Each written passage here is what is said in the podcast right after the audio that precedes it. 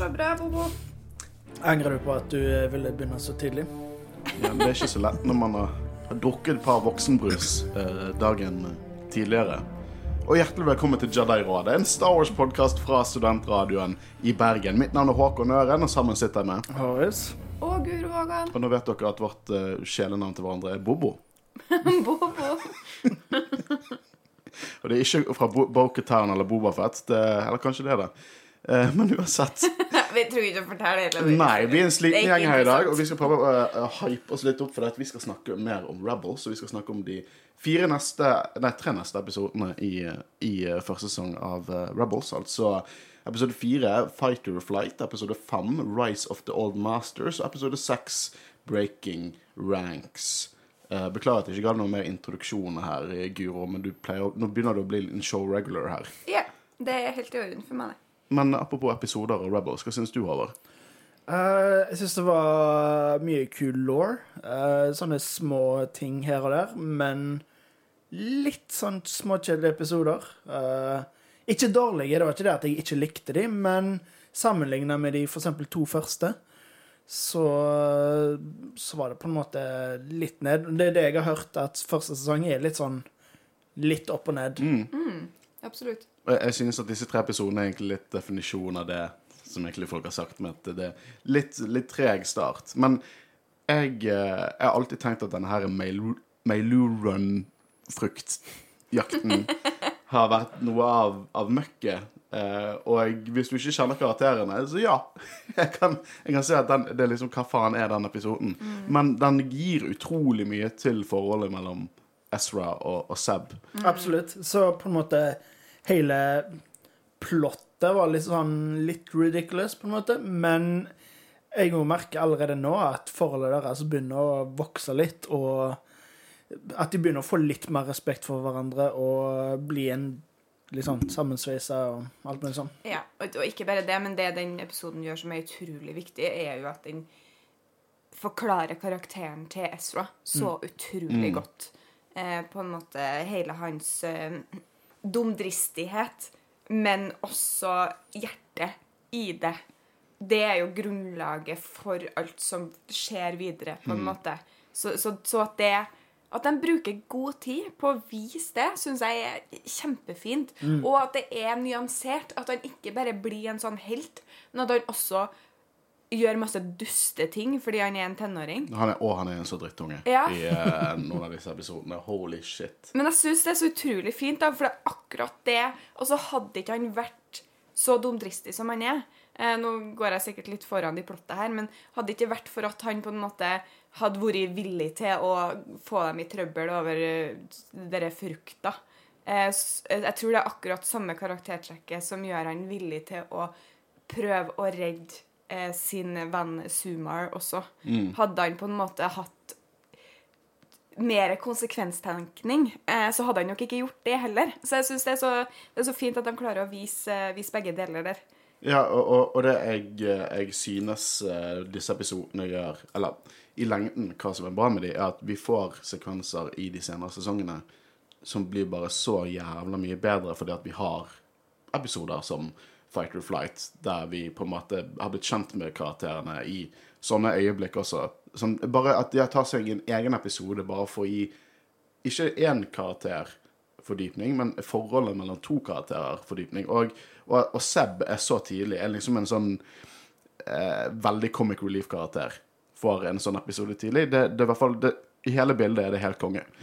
Eh, men det er helt klart den episoden jeg liker minst av disse tre. Eh, for det, det er mye bra law. Eh, absolutt. Men òg litt sånn som det dere sier, at det er bra at de tar, det, tar seg tid til det. Fordi jeg føler det mangla litt i Bad Batch. Det var mye bra karakterutvikling, men for eksempel, som jeg har nevnt, uh, Data Det er det? Det er det han heter? Dada. Dada. Dada? Dada. Hvem? Hvem snakker om? Ah, faen. Tech. Ah, jeg er Trodde du bare sa det på New Zealand-aksent eller sånn nå? Ah, jeg, jeg har tatt vaksine denne helga. Jeg er skikkelig dårlig. Du, er unnskyld. Uh, Ja, du, unnskyld. Tech. Data. Eh, data er ikke skulle det fra Star sett- Trek, det. Jo, det Å ja, Star Trek. Jeg er så dårlig at jeg blander to franchiser.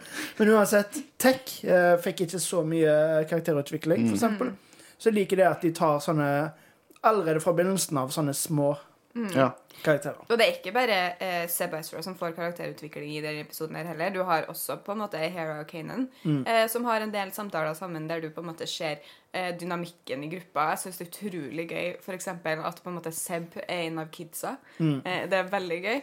Eh, for dem, da. Eh, og så Sabine også, eh, i den Hun er jo Hun ser vi ikke så veldig mye til i de tre første episodene.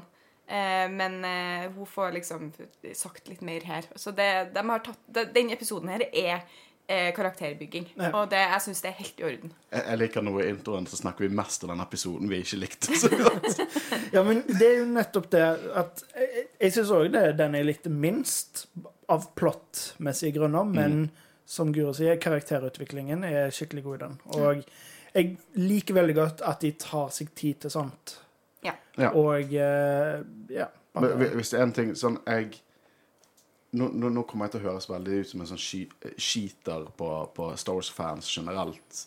Men hvis Bad Batch hadde tatt seg sånne episoder som denne Fighter Flight, blitt hatet så sykt for det at, for at det, Og det, dette er ikke nødvendigvis bare Star Wars-fans, men det er litt den der eh, Det fulle bildet, og hvis du ikke har det fulle bildet ennå, så er det bare helt grusomt.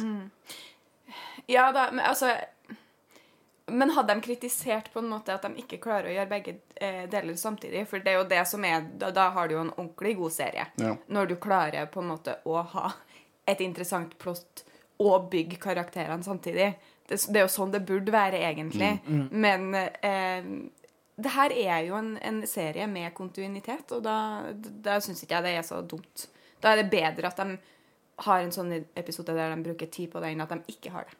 Men én ting kan vi i hvert fall være veldig enige i, at det er langt mye bedre enn Bad Batch episode 13.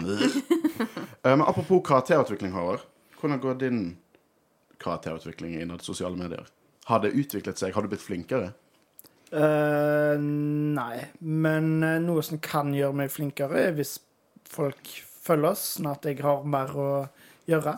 Jeg vet ikke jeg, hvor jeg vil med det. Men uansett, følg oss på Instagram, Twitter, Facebook, sosiale medier. Det var som sånn Mr. Sunday-vibe, chill av våre sosiale medier. Jeg synes det var, det var fint, det. Jeg likte den. Ja.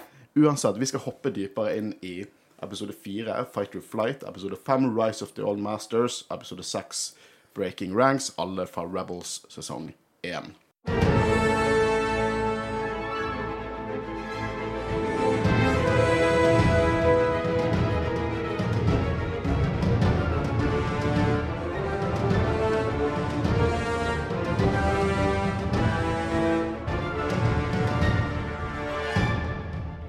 Så Fight or Flight. Vi har, vi, vi har mer å si på den, selv om vi har snakket om det Ja, jeg bare starta, og så har jeg egentlig sagt det aller meste jeg ville si om den episoden.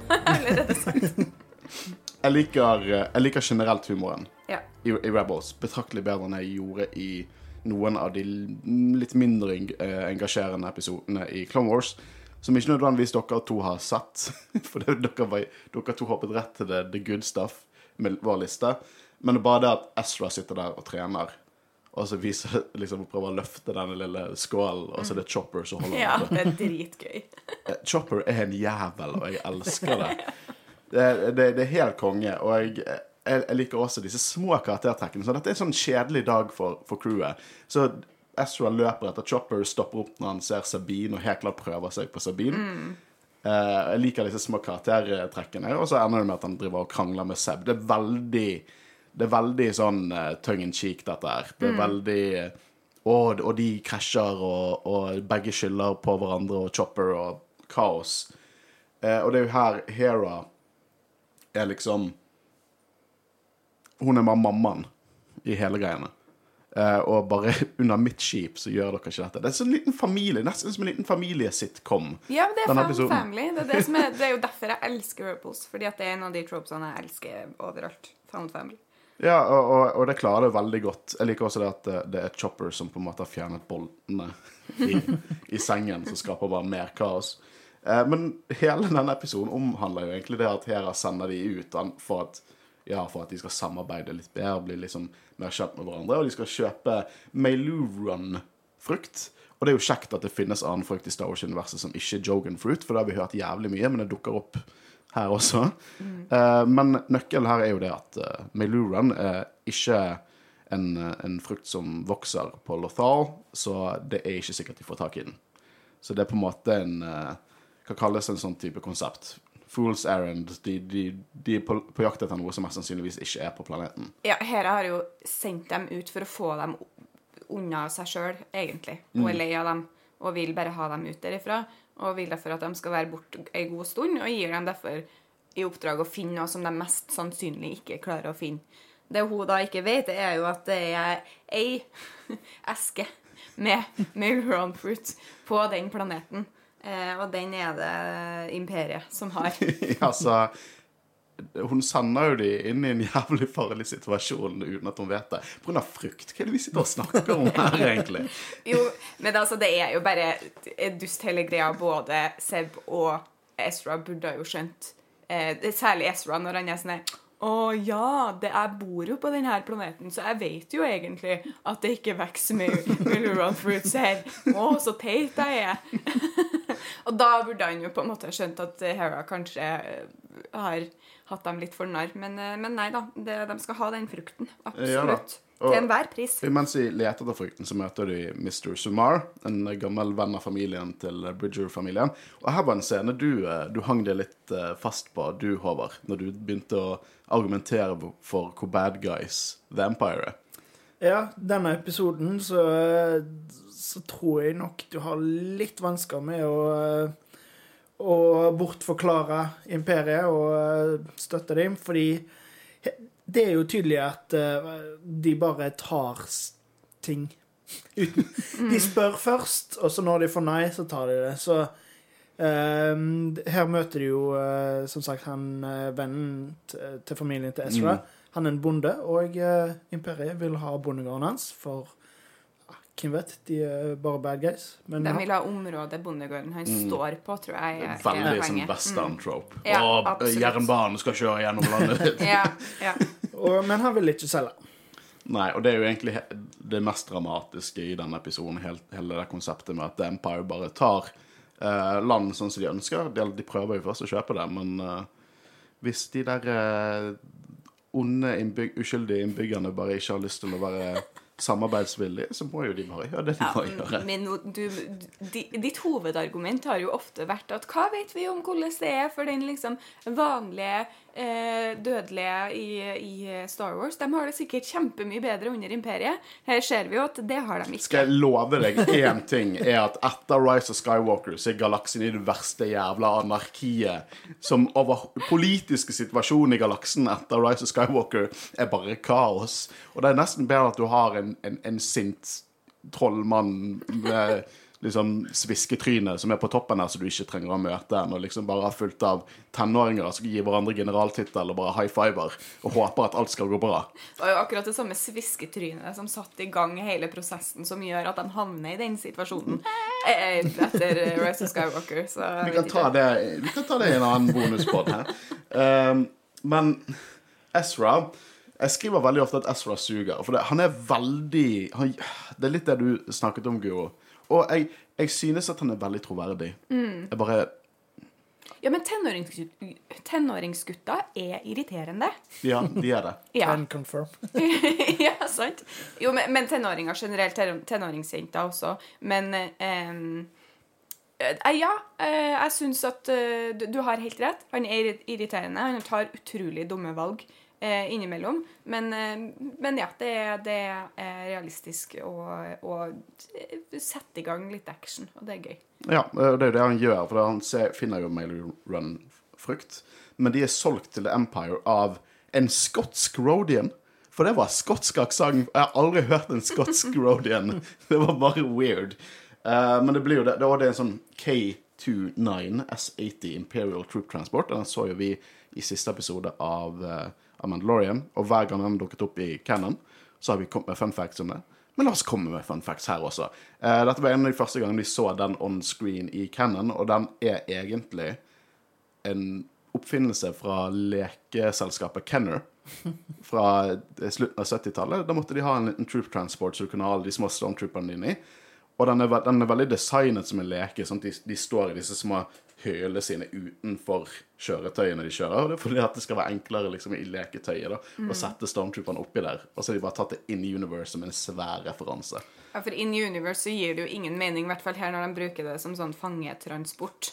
Fordi å ha fangene dine på utsida av din på en måte tanks-lignende eh, kjøretøy, eh, der du da ikke kan se hva som skjer på utsida, fordi det er ikke vinduer fordi det er en tanks. Eh, og ja, det, det fører jo til akkurat det som skjer. Men det, det er jo også en kongetaktikk, da. Jeg bruker det som meat shield, liksom. Ja, det er akkurat det. Det er akkurat som eh, i andre verdenskrig når de fester sånn eh, trær på utsiden av tanksen. Bare her har de levende, sant? og så skal opprørerne skyte på sine egne. Det er jo kjempebra. De er ikke bad guys i det hele tatt. Nei, nei, nei, nei. Eh, vi ser jo eh, at, eh, at Seb blir dratt inn i dette her, og de finner en eh, TIE Fighter. Eh, der har vi en, en keiserlig baron, for de har sånne titler under The Empire. Og det er veldig mange av de baronene som er TIE Fighter-piloter. Det er jo også litt interessant. Det er nesten sånn man kan tenke at dette er rike, keiserlige innbyggere som på en måte vil ha en liksom thrill ride med å være en TIE Fighter-pilot. Hvem vet? Eh, Det er bare veldig mange av de baronene som er TIE Fighter-piloter. Kanskje du har litt sånn at det er en liten omasj til f.eks. sånne freighter-piloter i første verdenskrig, sånn som Den røde baron og Absolutt. Eh, sånn. Det tror jeg også er en referanse der inne. I hvert fall dette er baron Val Rudo. Han dukker opp i Rebel senere. Han er en liten karakter. Det er ikke så mye verdt å si om backstoryen hans, men han kommer til å dukke opp senere. Eh, og en ting Jeg vet ikke om vi har snakket om det, for det, det kan hende, men bare generelt med Tie Fighters, er at eh, at når du ser på utenfor en TIE Fighter Dette var, dette var deal i originaltrilogien. Eh, at du så at det er egentlig en, rød, det er en liten svart stolpe som den er, den er festet på en vinkel, sånn at det egentlig kommer en svart stolpe fra ruten rett i trynet ditt. Hvis du hadde sett, hvis sittet innenfor og, ut, og sett utenfra. Men du ser kameraet inni en TIE Fighter, sånn som du ser ofte i originaltrilogien, så er cockpiten vinklet annerledes. Så det matcher ikke fra utsiden og innsiden. Og det er en sånn liten kontinuitetsfeil for originaltrilogien, så de opprettholder i Rebels, så de opprettholder i, i Squadron-spillet, opprettholder i all Star Wars, at utsiden og innsiden ikke matcher. Bitte liten detalj som alltid er gøy å, å se. Uh, så de stjeler jo denne TIE Fighteren, og Ezra suger så jævlig her med liksom å prøve å overstyre TIE Fighteren mens Seb kjører. Ja, han, han på en måte redeemer seg senere med det der Force-øyeblikket, men come on! De holder jo på å drepe utallige folk på gaten. Mm. Jeg syns det er litt morsomt, fordi før de uh, stjeler den TIE Fighteren, så er det jo en ganske stor og lang chase gjennom gatene. Og da har de bare stjålet en frukt, men allikevel så skyter Empire på dem som om de liksom er har gjort noe skikkelig vet, skikkelig ja, fælt. det, det, Empire vet jo ikke helt hva de har gjort engang. De bare løper etter seg og sånn OK, nå skal vi finne ut hva det var du egentlig gjorde. Og de får jo masse frukt på windshielden. Hva er det? Jeg vet, hva er det vi snakker om? Eh, og det er en, en kul scene når de på en måte Seb eh, flyr, og Ezra bare senser at de flyr for lavt, og så redder de, så å si. Um, og på The Ghost så driver Chopper og Kanan og spiller De- Dejarik, og, eh, og Hera og Kanan virker egentlig ganske avslappet. Så jeg lurer på om eh, foreldrene har hatt det litt gøy mens eh, barna har vært De har fått ut litt frustrasjon. Ja, de virker veldig avslappet. Eh, og, eh, og de kontakter jo de, så de er ikke så avslappet lenger.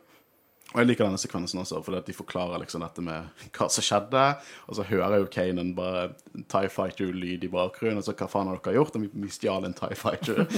uh, og har dere disabled trackingen? Ja, selvfølgelig! Mens de driver og skrur av. Uh, og det når de sier liksom i kor, så å si Han tok det bedre enn forventet. uh, apropos TIE Fighter-lyd. Er det bare meg, eller er lyden til TIE Fighters litt annerledes i Rebels enn den er i, i resten av canon? Uh, den er utrolig mye mindre diskré i Rebels. De, de tar den lyden fra originaltrilogien og så bare skrur de den opp til 11.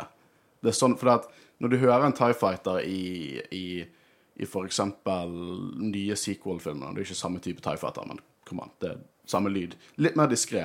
Eh, I Force Awakens første gang vi så en Tie Fighter, så da var det også skrudd opp til 11. Da var det sånn de nesten hadde en sånn liten remix med lydene. Sånn liksom uh, Men jeg tror Rebels virkelig pusher ned på den originaltrilogi-nostalgien med lydene og design og absolutt alt det der. Ja, for de, høres ut som de, de, de på en måte er litt sånn uh, eh, utslitt. Det er liksom Tie Fighter-lyd, men litt sånn eh, Den her Tie Fighteren har ikke det så veldig bra. Jeg tror ingen Tie Fighter har det så veldig bra. Sånn egentlig. Ut ifra lyden, så nei. Du er ganske stor fan av TIE, eh, TIE Fighters. Ja, lyden i hvert fall. Jeg syns den er Og veldig, hjelmene veldig gøy. til, eh, til pilotene. Ja, ja, det òg. Det òg. Eh, de møt, vi får jo se Mr. Samar nå, og det er jo her de gjør dette her. eh, Supply Master List, så det, det er han som er bad guy, ikke The Empire. Uh, men de brenner jo ned hele gården hans og arresterer Sumar og hjelper han og konen. Og dette er jo her Seb og Ezra blander seg inn. Eh, jeg liker at eh, Seb bare kaller seg Commander. Det er veldig gøy. Eh, og her er sånn That's not the tie you're looking for. Ja. Jeg, jeg har en litt sånn pet peeve. Og jeg har snakket om dette her i Clone Wars. For i Clone Wars gjør de enda, enda verre i tidligere sesonger. De bare sier sitatet rett ut. Mm, jeg merker det. Jeg tror det er i hvert fall minst én gang i hver av de episodene vi ser i dag, så er det en eller annen som sier et sitat som er helt likt. Ja, eller spinn på det. bare en variant ja. av det. Og jeg, jeg, jeg bare eh, Greit nok, not the droids you're looking for. Det er en utrolig ikonisk ting. Men senere i noen andre episoder her, så er det bare De bare siterer Lando. Liksom, The deal's getting worse all the time. Det er jo ikke en jævlig ikonisk Star Wars-sitat. The deal's getting worse all the time. Det er ikke en god setning engang. Nei. Og det, er bare, det, det tar meg litt ut av det. For sånn, eh, se? se? Han ene sa det i den andre filmen.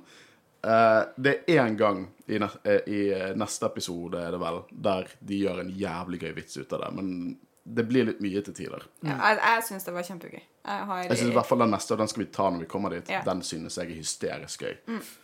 Eh, men uh, hva er det som skjer her, da? Eh, liksom, når Stormtrooperne går opp, for det er på toppen av disse transportene, og det er mye styr, og Stormtrooperne er veldig sånn Å, hans skudd vil ikke penetrere rustningen. Men frukt gjør det! Frukt tar de ut.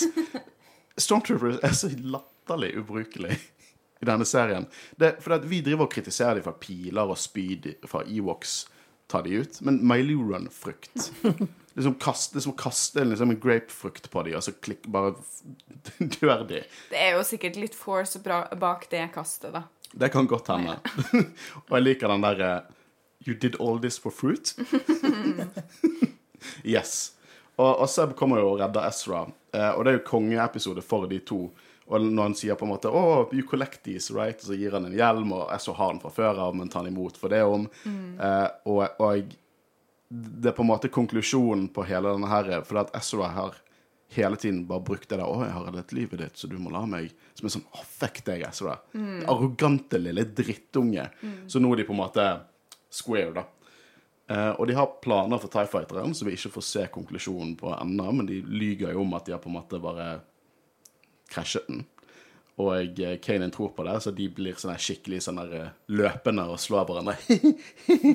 skikkelig to irriterende små brødre, liksom. Eh, og de har uh, Mailuran. De fikk tak i Mailuran.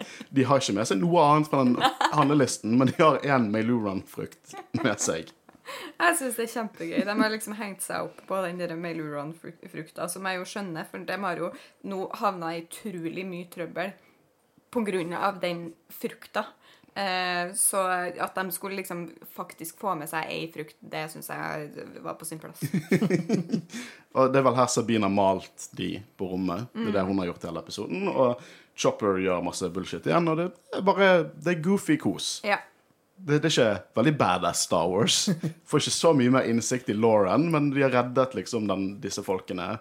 Og eh, Ja, happy ending. Vi, vi har egentlig snakket denne til døde før vi begynte episoden, så jeg tenker vi bare hopper til neste. For det er min favoritt av disse tre. Episode fem, Rise of the Old Masters. Uh, og eh, det begynner jo med Jedi-trening på toppen av en flyvende Ghost i atmosfæren. Uh, og det er jo her Kanan prøver å sitere Yoda. Do or do not, there is no try. Og så si, stiller jo Ezra spørsmål til det som alle Star Wars-fans alltid har gjort. Hvordan kan jeg gjøre noe hvis jeg ikke prøver først?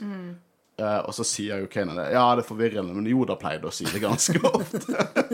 og da er det gøy. For det, det, jeg kjøper jo at han har hørt Joda si det, sant? Ja, jeg er litt uenig der. Jeg syns at de andre er gøyere fordi ja. at eh, de, de blir ikke forklart. De er der for de innvidde, på en måte. De som vet at det er en referanse. Skjønner at det er en referanse. Eh, og det kunne det ha vært her òg, hvis, eh, hvis de bare hadde gitt seg på en måte med eh, Det gir ikke noe mening. Altså at Kanan vært sånn Nei, det gir kanskje ikke så veldig mye mening. Jeg litt, får litt et forklaringsproblem overfor eh, Ezra med på en måte the old Jedi way, da. Men han må liksom absolutt si at jo, nei, men master Yoda, han brukte alltid å si det, og Jeg syns jo det er mye mindre meta, det. For han har jo han, eh, Kanan har jo møtt mester Yoda. Han har jo vært Youngly på tempelet. Og jeg kan godt se for meg at mye av de leksene som Yoda på en måte sier til Luke i episode fem, er sikkert ting han pleide å si når han var, var grandmaster og var i tempelet. Jo da. Og jeg syns det passer veldig godt òg, fordi i senere i episoden så, så viser jo Kanan at han ikke er en god lærer. Eller at han på en måte ikke føler seg klar til å være en lærer òg. Så han, jeg syns det er morsomt at han liksom bare hermer etter Yoda og liksom tenker at OK, sånn er du en god lærer, men hva er det egentlig det betyr, på en måte? Jeg er helt enig i alt dere sier der. Det er det jeg liksom henger meg mest opp i, er at navnet til Yoda blir nevnt. For jeg syns det er så unødvendig. Da, de overforklarer referansen, på en måte. Og det er det som irriterer meg. Fordi at Ezra aner ikke hvem Yoda er, og hvorfor skulle da Kanan si liksom Master Yoda? Eh, altså, det er en filleting. Referansen er gøy. Jeg bare syns de over, overforklarer den litt. Ja, det, men det trenger ikke jeg å være uenig med. Eh, jeg liker jo hele treningssekvensen her, for at Seb er der veldig ufølsom. Veldig ufølsom for religion Jedi og sier sånn det er ikke rart at de ikke eksisterer lenger. Herregud. Uh, han er der for å være irriterende av design, så å si, og jeg liker at Kane også sier laser sword, som er litt sånn Luke-vibes.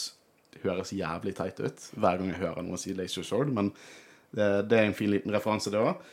Og det denne serien gjør egentlig helt kongemye bra på, er de etablerer Kyber-law, og de etablerer uh, rett og slett lightsaber-law. Sånne ting som vi har på en måte ant oss, ting vi har sett i Visual Dictionary, så du har på en måte en, en blad just, Så du kan justere bladet, liksom. Her gjør de det. Mm. Sånn, det er litt for langt for deg, Ezra. Bare bruk den switchen på siden, og så justerer han bladet. Det er ting vi aldri har sett liksom, på skjermen før. Og det er plenty mer av sånne Noen av mine favorittepisoder som er med i sesong tre, går utrolig mye inn på bare lightsaber law, og det, det er helt konge. Eh, og er det blå melk Chopper kaster? For det ser ut som det er blå melk Chopper kaster på han. Så det er som Ezra skal slå i luften. Uh, Det kan godt hende. Uh, jeg syns bare veldig synd på den Lothcaten som ender opp med å få det der i hodet. Men, men fantastisk. Fordi Lothcats er noe av mine favorittvesen i Star Wars. Jeg er veldig glad for at de bare putta inn en Lothcat her. ja, for de er ganske mye med her. Eh, for det er jo en det, det er vel en underrase av Toka Cat, er jeg ganske sikker på. Så Vi har sett Toka Cats litt rundt, eh, før, men Lothcats har på en måte blitt det mest ikoniske. da. Er det Lothcat som er med i Mandalorian? Eh, ja og, Eller om det er teknisk sett en Toka-cat, er litt usikker. For Lothcats er egentlig bare Toka-cat som kommer fra Lothal. Men eh, akkurat de detaljene har jeg ikke i hodet. Jeg bare, jeg sier, jeg kaller alle Lothcats på grunn av Rebels. Så når Ja. jeg så den i Mandalorian, det samme på en måte dyr. Så Lothcats. Eh, men eh, han faller jo, da. Eh, og jeg ned i skyene, han blir reddet. Og en ting er, eh, som er veldig ofte skjer i Star Wars, er at når noe skjer, og så skjønner ikke helt hva som skjer, for han blir tatt imot med The Force, og så sier han 'what the'. Og jeg lurer alltid på hva hadde du sagt hvis du fullførte den setningen? Ja, for det, det, det er 'what the force'. for de sier 'what the' veldig Men altså, det er jo allerede etablert at hell er et ord i Star Wars. På grunn av Harrison Ford. og Golden Rod. Uh, men Kanan suger litt her. I denne arken, syns jeg.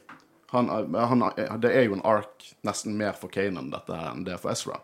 For han, blir så, han sier at Ezra er udisiplinert og fullt av tvil, og at det går liksom ikke an å trene han. Og Seb er bare veldig uondsinnet. Ja, han er skikkelig ondskapsfull her, eh, og det Ja. Eh, jeg syns det er litt trist, men det er, altså, det er jo en utvikling her, sant? så dette kommer seg på en måte litt utover. Men, så jeg syns i utgangspunktet det er veldig fint at vi starter med eh, karakterer med, med ordentlige feil. Med sånn skikkelig us- usjarmerende karaktertrekk.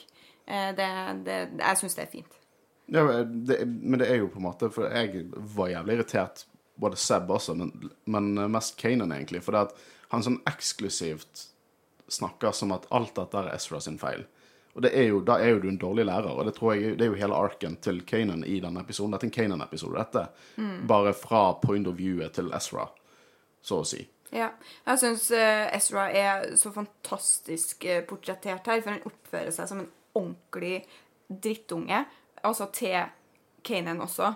Eh, Han svarer han eh, ufint, eh, og på en måte er utrolig arrogant til Kanan som prøver å, å lære han noe. Da, det er jo Kanan som er voksen, så det er jo han som skal være the bigger person. på en måte. Men Ezra oppfører seg jo heller ikke særlig fint her. Men jeg syns det er så fint at de klarer å vise at det han egentlig gjør, er å bare prøve å dekke over usikkerheten som han føler. At han føler at han ikke er god nok, og derfor så tar han på seg et sånn arrogant ytre. Eh, for han liksom snakker med eh, Kanan og Seb, og, og de sier på en måte jeg, Nå husker ikke jeg spesifikt hva det er de sier, men altså eh, Ezra later som om at han bare syns at de snakker tull og ikke tar det inn over seg. Men så snur han seg bort fra eh, Kanan og Seb, og da endrer ansiktsuttrykket hans seg totalt sånn at publikum får se at det, så, altså det er ikke det han egentlig føler. Sånn som han fremstiller seg nå, er ikke sånn han egentlig føler. Og jeg syns det er kjempefint. Eh, og, og så har du også Hera, som, som, eh, som står litt i bakgrunnen, og som, som ser som den gode mora hun er. Ja, hun er Så mammaen til hele gjengen. ja, så ser hun eh, hvilke følelser som egentlig rører seg i, i Ezra. Og jeg syns det er eh, kjempefint. Og det at man på en måte ikke klarer å, å, å vise sine ekte følelser eh, Det er jo ikke et sjarmerende karaktertrekk, det heller. At man på en måte dekker over usikkerhet med arroganse. Men det er utrolig eh, realistisk og, og menneskelig. Ja, men denne serien, det har jeg sagt gang på gang, denne serien, det som på en måte er best med denne serien, hvis du setter det relativt til mange andre uh, lignende parallelle serier i Star Wars-universet, er at de nailer karakterutvikling. Mer enn de er best på karakterutvikling i Star Wars, syns Ja. jeg. Be bedre enn i, i Mandalorian, og bedre enn i nå eh, Altså fra Skywalker-sagaen i det hele tatt, syns jeg. Og, det, og så er jo det til liksom, de andre sin forsvar, så er jo det at de, jo, de har tid til å puste litt. Ja. Eh, og uh, i hele bildet, som sagt, så blir det helt konge. Bare gled deg til noen av de senere episodene. Uh, men får, vi får se litt Holonet, og Holonet er jo noe vi har hørt om mye. Det er sånn typisk sånn vi ikke ser så ofte, men Holonet på en måte er nyhet. Internett i Star Wars, så å si. Og det er keiserlig propaganda, men det er en, en, en sånn imperial senator, Gal Travis, som tilsynelatende har hacket det for å komme ut med liksom Å, the empire er bad. Og kommer med sånn, sånn inside information. Og det kule er jo at vi kommer til å få se mer av han senatoren senere. Er det Holonet-greiene Er det på en måte kryptert, for å si det sånn? Eller snakker han åpent ut til alle? Fordi hvis han er en del av Senatet, så må det jo være ganske enkelt for Empire å kvitte seg med han. For å si det sånn, det er mer til historien om Gal Travis. Eh, Det blir ikke noe, holo, nei, det blir ikke noe lord-dump her, for at du skal få med deg mange av disse revealene. Selv om, selv om sikkert mange der ute har sikkert lyst til at jeg skal dekke hele historien til Gal Travis akkurat nå, det kommer mer, og det blir bra. Eh, og det, det, han snakker jo om at Luminara Undoli, Undoli hun husker vi.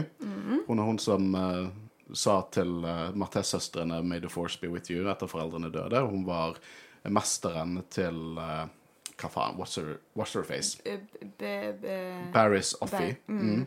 Eh, hun er veldig klassisk Jedi, på godt og vondt, eh, i liksom republikkens dager. Hun ser veldig kul ut, da. Ja, hun har veldig kul design. Hun har vært med i live action.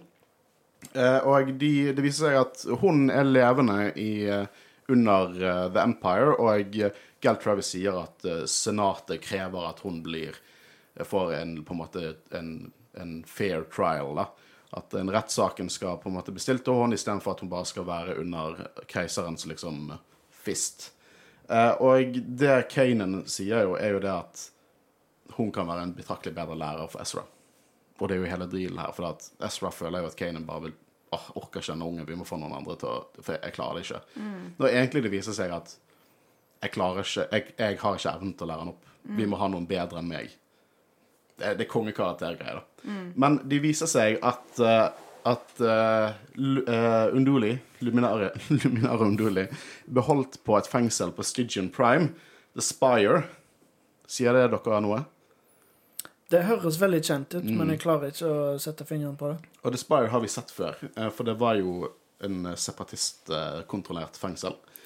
Eh, Og det var Var det i den episoden vi møtte Tarkin uh, Nei, det var The Citadel. Citadel. Ja. Dette her var stedet uh, Count Dooku og og Sidious holdt mål, og han ble reddet fra Son of Deathmere. Ser helt identisk ut. Det, det er Stygian Prime. Og det er jo keiser, keiseren tatt over og bruker til full effekt. Eh, og de skal komme seg inn, da, eh, i De skal en liten heist. Jeg trenger ikke gå så my- mye dypt inn på hva det innebærer, men vi får se et annet lite ikonisk skip som er en VCX Series Auxiliary Starfighter, eller The Phantom. Så de opprettholder hele denne her eh, Ghost uh, Ghost, Spectre, Phantom Ja. Mm. ja. Jeg liker det veldig godt. Jeg syns det er kjempefint. Og de, de legger ikke noe sånt stort poeng ut av det. Vi bare, det bare det er det, sånn det er, og det gir veldig mening. Uh, Du, det hadde jeg lyst til å, å spørre dere om, for dere det, Så vidt jeg forsto det, så snakka dere om det forrige gang, for du for, forklarte det til meg etterpå. At eh, For Hera nevner jo det at hun kan skjule skipet. Kryptere ja, hun kan, signaturen. ja, hun kan kryptere signaturen, og det lærte hun av Omega. Mm. Eh, er det derfor det heter Ghost?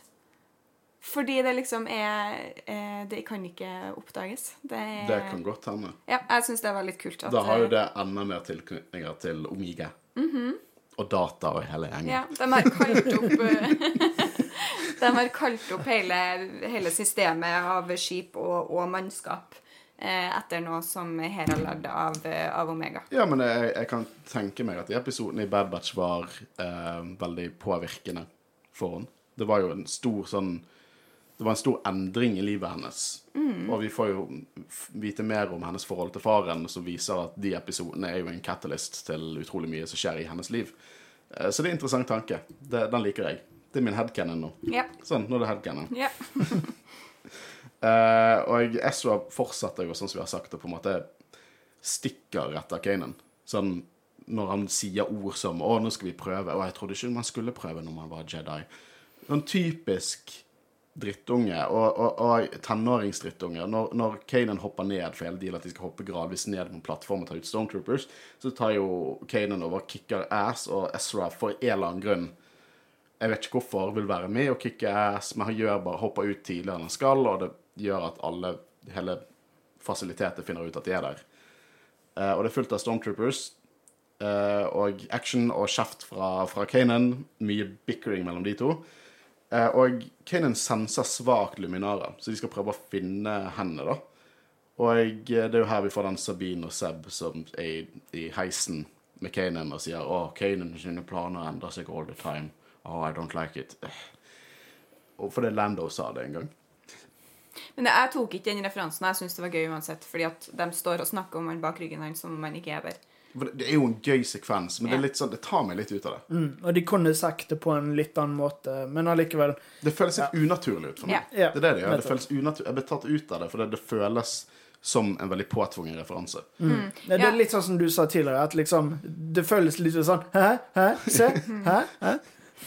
De blinker så høyt at du hører liksom øyesmatte. Det er liksom det er det. Nemlig. Ja, for jeg også, som sagt tok ikke referansen, men jeg syns at eh, eh, på en måte eh, Sabine formulerte seg veldig merkelig. Det, det, jeg synes det var bare sånn Det var litt sånn jarring. Ja, det, var, det føltes som det var, det var et skript. Det var veldig tydelig at nå skal du lese av et skript. Og selvfølgelig er alt et skript, men med naturlig dialog så skal ikke det føles som det. Nei. Det var som en liten pause i alt. Bare sånn Åh, quote. Eh, og Kanan er utrolig brutal i denne episoden, egentlig. Eh, og jeg lurer på om det er noen traumer her. Eh, for han er, han, er, han er ukarakteristisk brutal mot stormtrooperne.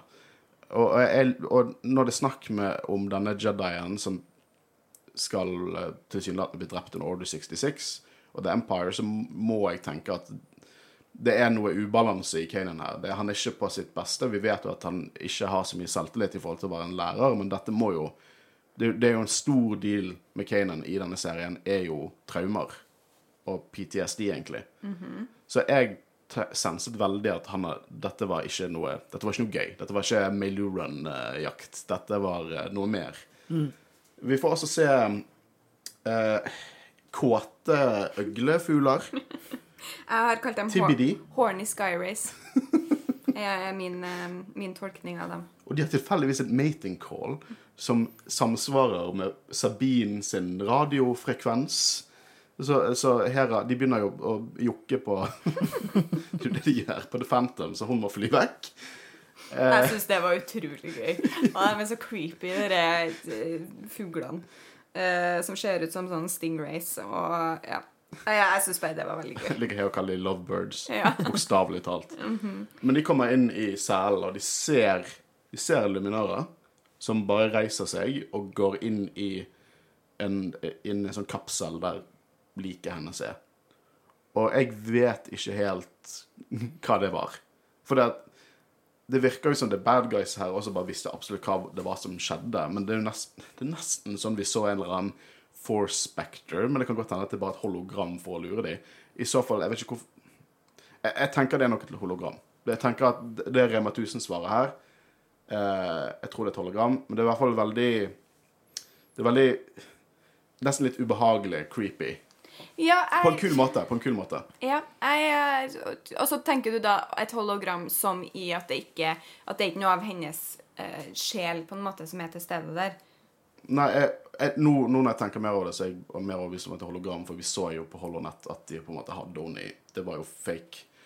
Men, men hva er det da Kanan kjenner? Hvis, hun, hvis, hvis ingenting av hennes Sensa liker, rett og slett. Tror du ikke at uh, Nå går det litt frem, da, men tror du ikke Inquisitor har, kan manipulere på en eller annen måte? At han kan lure dem med å Med en sånn force eh, projection, på en måte? Jeg tror ikke jeg tror, Nei, nå, nå, nå bare pumper det inn canon-argumenter for meg for hvorfor det er et hologram. Jeg tenker på det. En, vi så i Holonett at de hadde hologram. To, vi vet at det er liksom deepfaking i, i Star Wars-universet er veldig ekte. Men hvorfor tror du at, uh, at det, den sekvensen er faka? De kan jo ha hatt henne levende og så tatt livet av henne på, på Hun døde med republikken. Hun døde under Order 66. Ja. Det er bekrefta, Ja da. liksom? Han bekrefter det i, der også. Å ja, OK. Ja. Men Never eh. Nei, jeg tror, jeg tror det er et hologram, men jeg liker at det på en måte ikke At de gjør det litt mystisk. At, men jeg, jeg tror absolutt det er hologram basert på det vi har sett, og basert på dette her med, med eksempel i Tarkin-boken så er det, er det faktisk noen opprører, en opprørercelle som faker Holonet-nyheter. og Tarkin er den eneste som kan se forskjellen, fordi han er et geni. Uh, ja, så jeg, jeg, jeg, tror, jeg tror dette var et hologram, men det er jo The Grand Inquisitor som dukker opp. Og han bruker jo siden jeg bruker beina hennes til å lure Jedi dit. Som jeg bare synes er awesome. Det, det, er så, det er så utspekulert og evil. Og nå får vi det meste vi har fått av The Grand Nå går du litt fort der. Jeg vil tilbake til den der greia her. For de har jo inni en sånn der boks um... Som viser hologram. Som projecter det, liksom. Nei, altså, liket hennes er inni en, en sånn boks. Mm. Jeg tolka det som Jeg ble litt sånn, for jeg famously husker jo veldig dårlig. Har jo sett Rebels før, men jeg husker ikke om dette her kom opp igjen. Men hvis det gjør det, da tydeligvis ikke. Det blir ikke forklart noe bedre. Nei, det, det, de har bare tatt vare på liket hennes for å lure det inn der. Og bare Ja, okay. holdt det på en måte fra å decompose. Det er jo liksom, hun er jo mumifisert, liksom. Ja, Nei, For jeg tolka det som at, i den, at de oppbevarer henne i denne boksen som en sånn måte der de ikke ka- Der hun på en måte Hennes sjel, da, av eh, mangel på andre ting å kalle det, ikke kan bli one with the force, på en måte. At, når, du- at hun kan ikke bli force ghost fordi at de holder igjen sjela hennes i denne Det er ikke en dum tanke, men jeg tror til og med for Star Wars blir det for, blir det for mye Ja. fantasy. Det, det er mulig. Ja. Eh, men det var, det var bare altså, Ja, men- Fordi det ikke ble forklart, så var det litt sånn Å, kanskje Men det kan la oss spekulere litt, da. For Ja. at eh, noe av de på en måte mest dark side-polene, da, noe av de mest eh, force-heavy tingene der som ikke levende, er artifakter. Masken til Vader, eh, eh, Darth eh, Moomin sin hjelm. Alt dette her har blitt brukt av force-brukere. Og i Vader-tegneserien så går Palpatine rundt og sier at, liksom, til Vader Han liksom Surround yourself med sånne artefakter. Liksom Få de Trekk makt ut av de, på en måte søk informasjon fra de. For de holder på the dark side basert på hvor mye dark side, liksom hvor mektig en Sith Lord eller en dark side user som brukte den, har det. Og jeg ville ikke utelukket at, at the light side har noen paralleller. Som at, at et lik som ikke lenger er levende, fortsatt kan på en måte at du senser auraen til den personen, eller senser noe i The Force fra den personen, selv om den personen har gått videre. Så tror jeg, jeg tror det er hele konseptet her med at de lurer Jedi dit. Ja. De må bare få de i fengselet, så, kan de, så går de sjøl inn i den fellen. Ja. Eh, jeg syns det jo gir mening når du forklarer det på den måten. Eh, for jeg tenkte at også, hvordan kan Kanan sense henne hvis, hun ikke, hvis sjela hennes ikke er der, på en måte. Eh, Men jeg, jeg, når jeg så det, så tenkte jeg ikke at det var et hologram, for den måten det på en måte gikk tilbake inn i den boksen Det virker som noe mer enn bare et hologram, men uh, Jeg tror det skal være litt åpent, rett og slett. slett. Jeg tror det. åpent for Det, tolkning. det, jeg, kan sier- det jeg sier nå, er min mening basert på den de canon-detaljene jeg nå har i hodet. Men hva vet vel du? Nei. Star Wars. Men jeg, jeg tenker, jeg, jeg syns det er en- er interessant tanke, og i tilfelle så må det jo være noe av det verste du kan gjøre med eh, en, en force user, og, og på en måte holde sjela deres fanga i deres døde kropp, sånn at de ikke kan gå liksom liksom Bli en del av det, det større The Force. Nå er jo det også verdt å tenke litt på at, at hvordan Jediene og Sith tenker på, på One with the Force, er jo nesten ikke blitt dikt, liksom, definert ennå. På grunn av all kunnskapen Yoda fikk i slutten av Clone Wars, all eh, eh, informasjonen som Quaigon fikk etter han døde. Liksom dette, for, hele konseptet med å bli One with the Force har vært mer sånn Mer sånn Å, nei, vi går til himmelen. Hva det er? Nei, jeg vet ikke. Er det noe Nei, I don't know. Sant? Ikke noe disrespekt til de som tror på himmelen, men det har på en måte vært liksom Det har vært litt løst, litt mer religionsbasert, mens det er Quaigon som er på en måte Det er noe mer der. Det er ikke bare det at, at du på en måte blir en del av The Cosmic Force, du på en måte kan faktisk komme tilbake til en viss grad. Hvis du er sterk nok, eller du er utvalgt. Men det er jo akkurat derfor det er interessant å snakke om, da, tenker Mm. jeg. At vi, vi vet ikke svaret, men det, det fins flere muligheter for, eh, for hvordan man kan tolke. Ja, ja. ja. Eh, poenget mitt der var jo det at siden det er vanskelig for The Empire å ha, eller i hvert fall å Jedi, Dark Jedi slash Sith-divisjonen i The Empire, til å ha noe liksom understreket kunnskap om dette her med lightside-brukere, og hvordan de hva som skjer med de etter de dør, rett og slett. At det blir, nesten for De har for lite kunnskap til å kunne pulle dette da. På den måten som dere spekulerer. Men jeg syns igjen det er veldig åpent, og jeg syns ikke det er dumme teorier. For jeg tror hele den scenen skal være litt åpen, for du merker det på musikken, du merker det på stemningen, hvordan de reagerer. sant? Og vi vet jo ikke om, om Inquisitor faktisk så det de så. Men han dukker jo opp i døren etterpå, etter hun har gått inn i den der eh, kapselen sin igjen.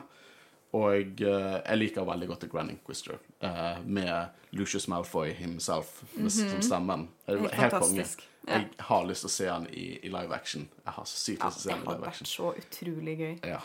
Og han hadde jo elsket det. Han, han, han lever jo for å spille de mest imperial karakterene. Liksom, Lucius Malfoy hadde fått seg en, en ganske god offiserrolle i The Empire. Ja, ja, ja. Liksom fucking Voldemort, en Dark Lord som er mye mektigere i dette universet. Definitivt. Så han sier jo det at Han er så jævlig imperial at jeg har lyst til å spy. Det er så gøy.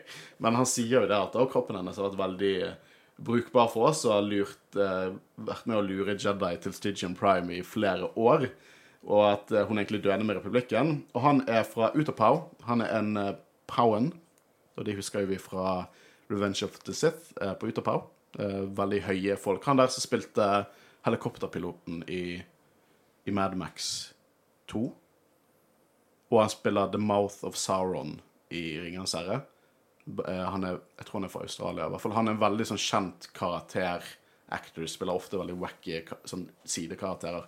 Eh, Han spilte jo en av de mer ikoniske powensene i det han som sier på en måte advarer Obi-Wan da, eh, i Revenge of the Sith. Hele poenget med det er en veldig ikonisk alien som vi ikke ser veldig ofte. Og det er kult å få liksom en, en main bad guy som på en måte er den alien-rasen. Og det er litt det med Inquisitors, for det, Empire er veldig rasister. Liksom de, hvis du er menneskelig, go nuts. Liksom, det har ikke noe å si hvilke, hvilke liksom, seksuelle legning eller hudfarge eller whatever, så lenge du er bare human, så er du golden hos The Empire. Eh, hvis du er blå, så får du litt motstand. Ja. Og hvis du er en alien, så er det nei. Det skjer ikke. Men hvis du har The Force, og du er, du er sterk med The Force, så er det Ja, ja, kom til Inquisitors. For det er liksom eh, The Inquisitors er en fargerik gjeng av, av ulike alien-raser. Eh, og det er jo selvfølgelig fordi at de er sterke med The Force, og det er det viktigste der. Men Inquisitors, har de mer tilknytning til The Empire, eller har de mer tilknytning til på en måte Sith-delen til Palpatine? Det er, det er mer til The Empire. Eh, de er jo jeg, jeg tror ikke engang Det er ikke sikkert at de vet så særlig mye om om at, liksom, at Palpatine er en Sith Lord en gang. For det, det er ikke så mange som er klar over det. De som på en måte er klar over det, kan ikke helt si om det er det. Tarkin har sine tanker, liksom. Vader vet jo det selvfølgelig. Men Vader og Palpatine sin, sin identitet er ganske nøye skjult. Det, for det, det, dette er ikke et Sith Empire. Dette er bare et empire. Det er et tilsynelatende lovlig fungerende empire. Det er jo ikke før i Rise of Skywalker der Palpatine bare kaster inn håndkleet helt og sier nei, The Sith Eternal, det er dette her som er vår Sith Empire. Ja, Jeg syns det, det med Inquisitors er utrolig kult. Det er et veldig kult eh, eh, konsept. Eh, og jeg syns de introduserer det eh, veldig godt der. Eh, og nå skal vi være litt for, forsiktige eh, med liksom spoilers eh, for Håvard her, men jeg regner med at du har skjønt at det er et eller annet med The Inquisitors som vi skal finne ut av i løpet av denne serien. Eh, og det, det er noen hint her og der, og jeg liker det veldig godt. De begynner allerede å hinte litt i denne episoden. Eh, men han har jo full kontroll. Eh, han begynner jo å slåss mot, mot Kanan og begynner å si 'Å ja, så Deppa Bilaba var din mester', ja.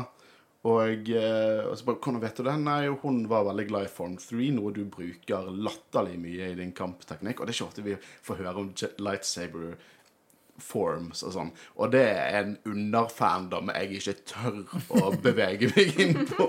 Men det er i hvert fall ulike forms og shit i, i, i sånn teknikkene man ser de bruker i lightsaber. Og, og han inquisitoren har jo bare stålkontroll på det.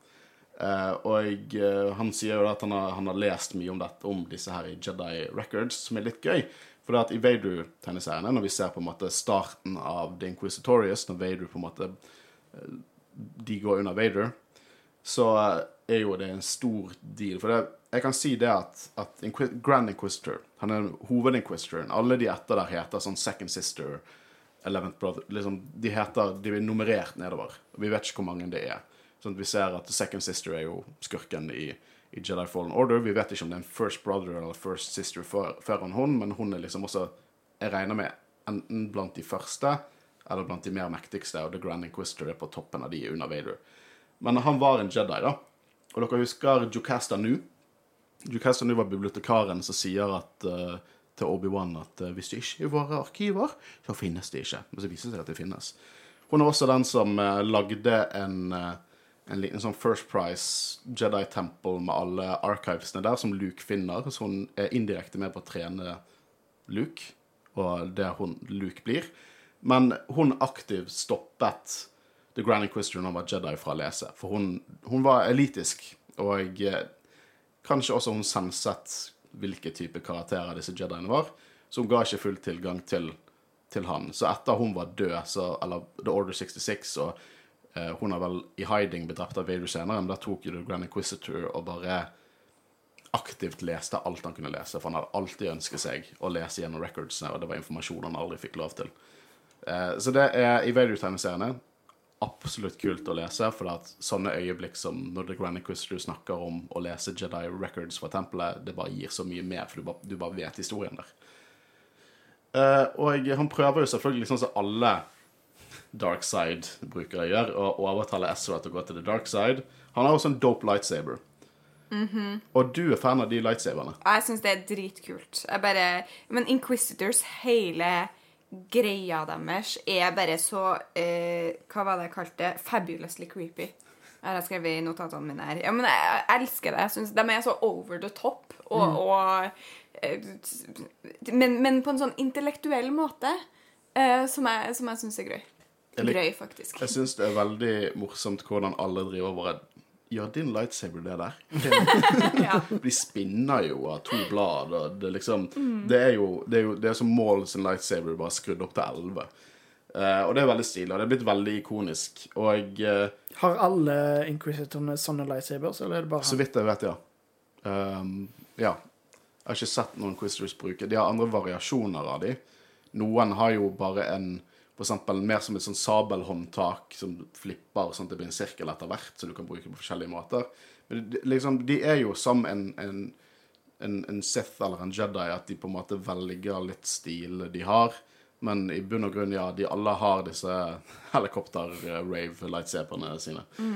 Um, og jeg liker også når han sier at han sier Kanan er ufokusert og udisiplinert. Så det er jo Kanan og Ezra er jo perfekt til hverandre. Så nå får jo Kanan virkelig en lærepenge, og sikkert innsyn i at alt det han har sagt ned om Ezra, er jo ting som kan bli sagt om han.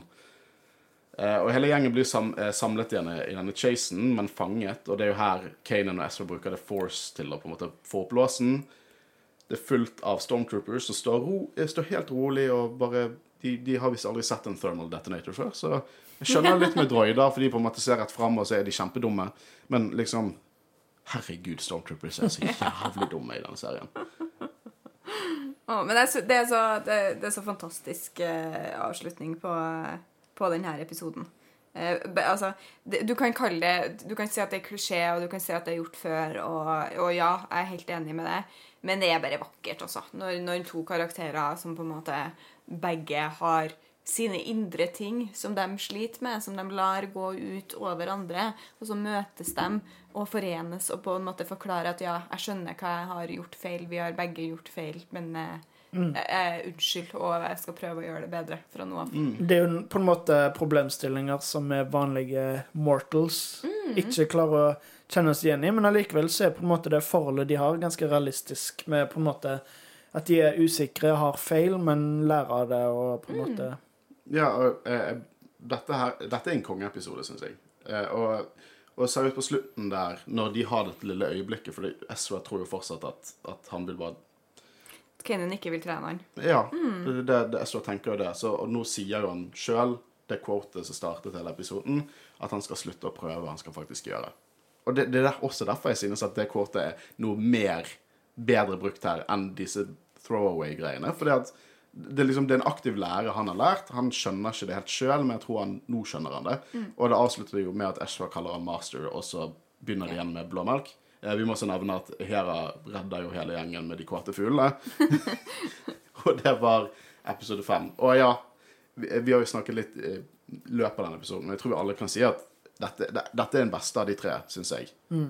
Ja, jeg bare det, Jeg har litt eh, soft spot for sånn eh, em, magiskoler. Det, det er jo ikke det det Har her du det? er. Hvem Ja. skulle trodd det? Ja, har du hørt om Potter-generasjonen? Jeg tror du vil like den gjengen. Jeg, tror altså Harry Potter eh, Ja. Aldri hørt om. Eh, men eh, Ja, det, jeg syns bare det, akkurat den skolesettinga syns jeg er, er veldig gøy. Men, eh, men sånn objektivt sett så kan jeg være med på at det, det er den, den episoden som er den beste. Ja. Eh, bare, det er utrolig mye kul law. Jeg elsker at de trekker inn en karakter som Luminara. For at, nei, Hun er ikke en veldig stor Jedi-karakter, men hun er ganske ikonisk. Vi vet hvem det er. Og, eh, og eh, som sagt, jo mer Inquisitors vi får, jo bedre. Fordi at de er helt konge. Akkurat, jeg er helt enig med alt det du sier om dem. Eh, creepy, men intellektuell. Eh, og liksom, jeg kan høre på eh, Jason Isaacs, han heter, snakke som The Grand Inquisitor flere timer. Jeg bare, håper at vi får et eller annet med han. Problemet er at vi har fått så jævlig mye Inquisitors i nye canon med tegneseriene. Vi har, vi har så å si fått hele historien hans. Uh, og det er faktisk noe mer til det nylig som også er veldig interessant, men det skal jeg ta den tid det kommer. Ingen lordom på om det ennå. Men jeg syns det er kongeepisode. Eh, jeg likte den skikkelig godt. Håvard, du likte den? Ja. Det var um,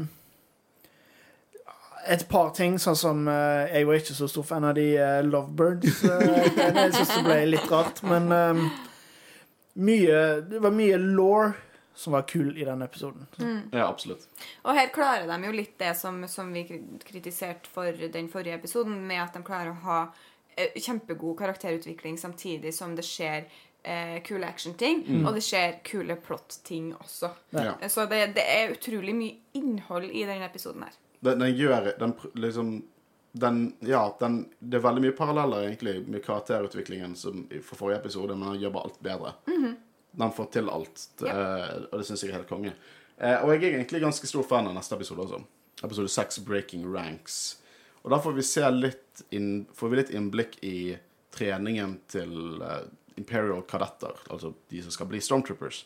Og så tenker jeg det er ganske heavy trening på dem. Ja, altså, de har jo Det, det, det skjer, virker jo ikke som om de på en måte har eh, endra så mye fra treninga av klonene, egentlig. Det er bare det at nå er ikke klone barn, nå er det ekte barn. Ja, det, og det er ikke, det er ikke no- Ekte barn, det var dårlig det, men det er ikke, men, det er ikke ja. nordmenn. Nordmenn er ikke å trene barn. Er det ingen nordmenn der? Liker ikke imperiet nordmenn? Nei, vi er, vi er vel aliens, egentlig. Men det, det, det vanlige her er ikke å trene barn. Det er jo Men nå får vi se når de på en måte har kadetter inn der. Uh, om dette her er noe tilsvarende The Academy, som Luke hadde lyst til å joine, vet jeg ikke. Men hvis dette her er grunntreningen til alle Stormtroopers, så er jeg overrasket hvorfor de er så inkompetente.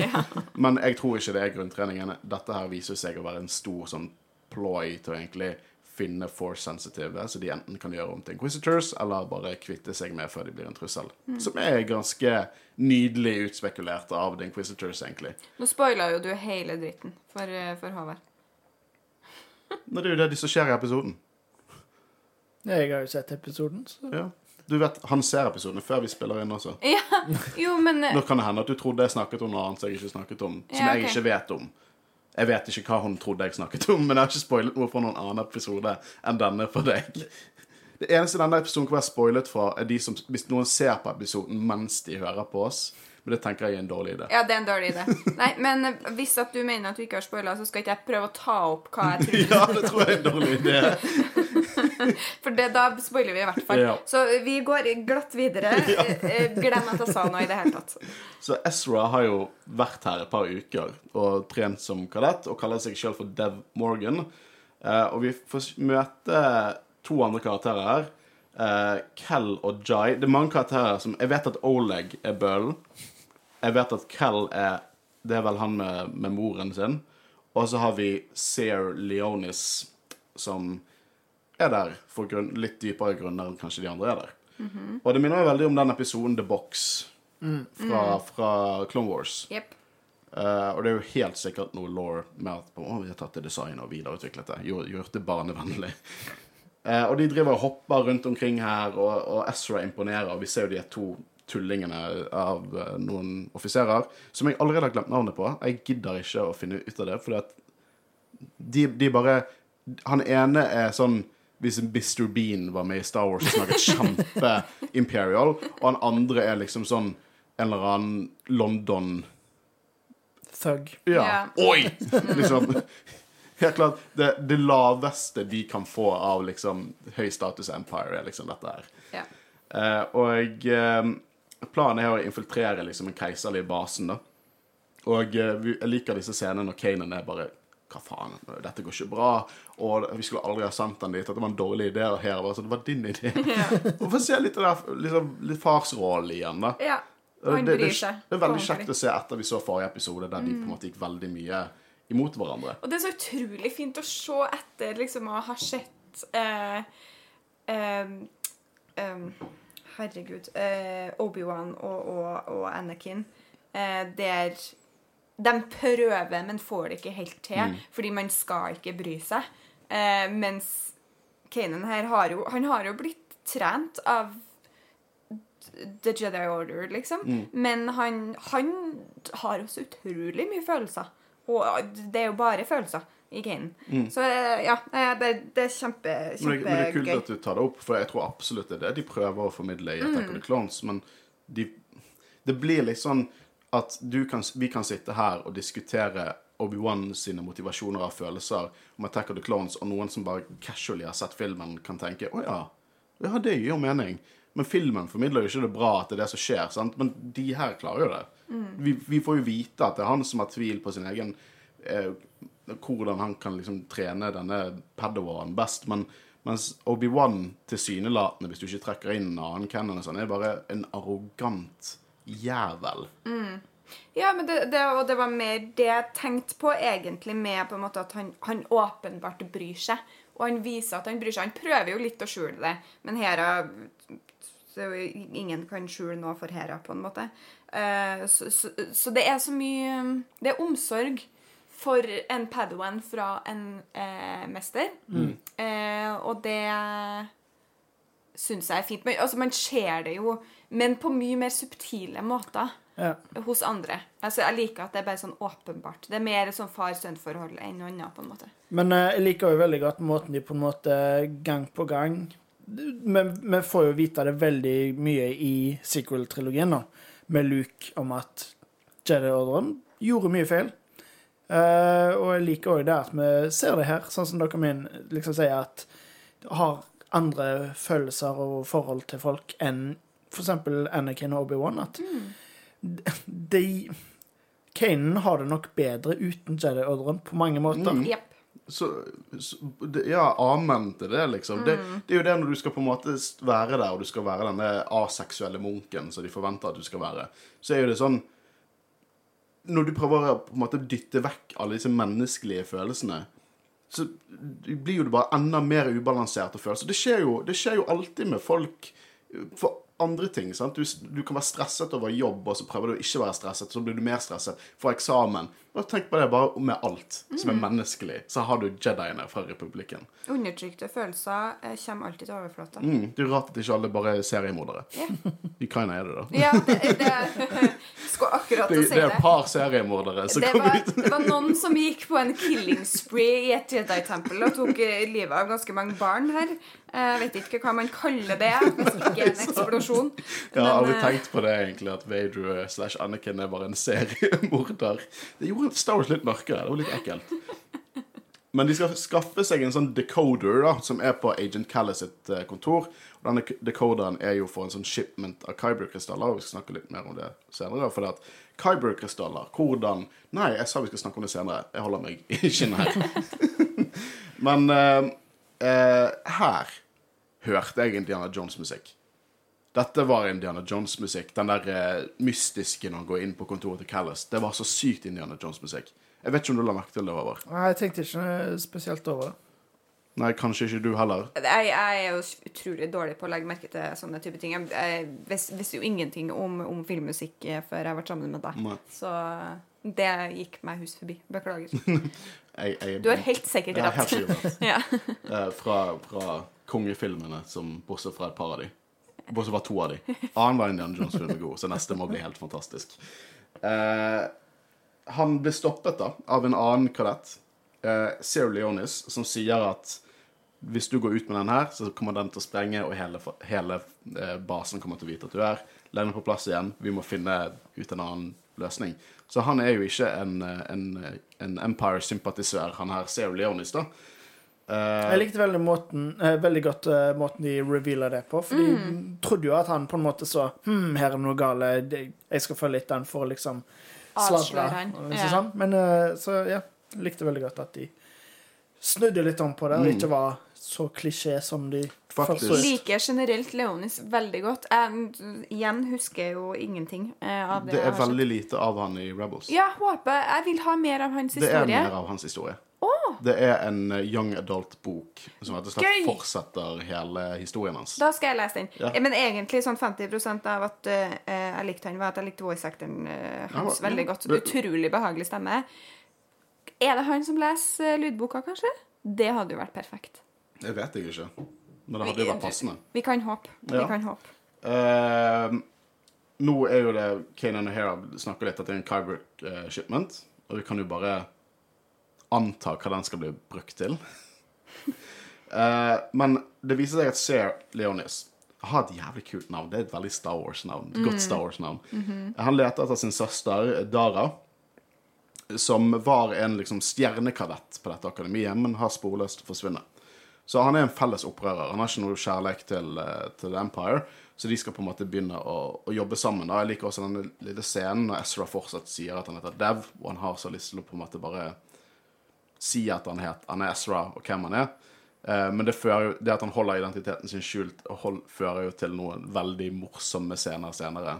Når, han, når Force-temaet kommer fram, men mer om det etterpå. Um, så hele dealen her er at de tre de skal få tak i den dekoderen der, som skal hjelpe han. Uh, og de må være blant de tre beste dagen etter for å komme inn liksom i hovedbasen til, til Empire. Og da skal de skyte targets for å komme seg ut av boksen. Eh, og det her er all min tanke om at alle Stormtroopers som har vært gjennom denne testen, går rett ut av vinduet. For ikke faen om noen av de hadde truffet Hvis ikke det bare er utstyret deres, da, som bare suger. Det er jo, Mandalorian gikk jo litt inn på det. Det er jo som å ha på seg porselen og så bare forvente at det skal beskytte noe. Men, Eh, men uh, Unnskyld at jeg avbryter, men Bucketheads -hmm. Hvor, hvor oppsto det hen? Hvor er det fra? Er det Rebel, en Rebels-ting, eller er det Nei, vet du hva, Bucketheads er en veldig fan Det er en veldig metating. OK. Ja. eh, hvis du kjøper Det er på en måte Du kjøpte en Stormtrooper-replika, og jeg har fått meg en ny bøtte.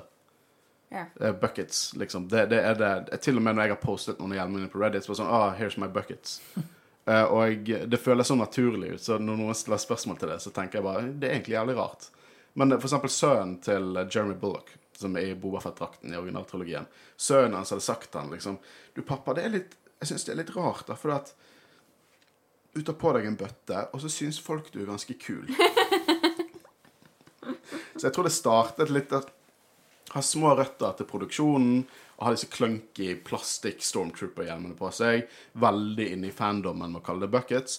Og så har det rett og slett blitt en sånn law-ting også. eh, Der det er nesten litt vanskelig å på en måte direkte stadfeste hvor det startet. For det starter på så mange forskjellige steder. Men jeg liker veldig godt når det er på en måte buckets. For det, det er buckets. Det er veldig naturlig for meg å kalle det bucketheads. Men, men i, altså, det, er ikke, det er ikke en Rebels-ting in universe, på en måte? Det er ikke der vi hører det første gang? Ikke nødvendigvis, nei. Men det, det Nei, det tror jeg ikke. Jeg føler det har vært sånne ting som de har kalt Stormtroopers i alle tider, egentlig. Ja, jeg bare liker det veldig godt. Ja, jeg det er veldig gøy. det er gøy. Og, og, jeg, og hvordan de på en måte Sabine tagger jo sånn antall stormtroopere de har tatt ut med sånne små eh, cartoony stormtrooper buckets på skipet, og med Tie Fightere som er sånn kill stripes. Eh, veldig mange sånne gøye små detaljer i hele denne serien, egentlig. Eh, men her tar jo Ezra og pusher Jai, som var på en måte en av buddiene hans der, for å egentlig hjelpe Sir Leonis.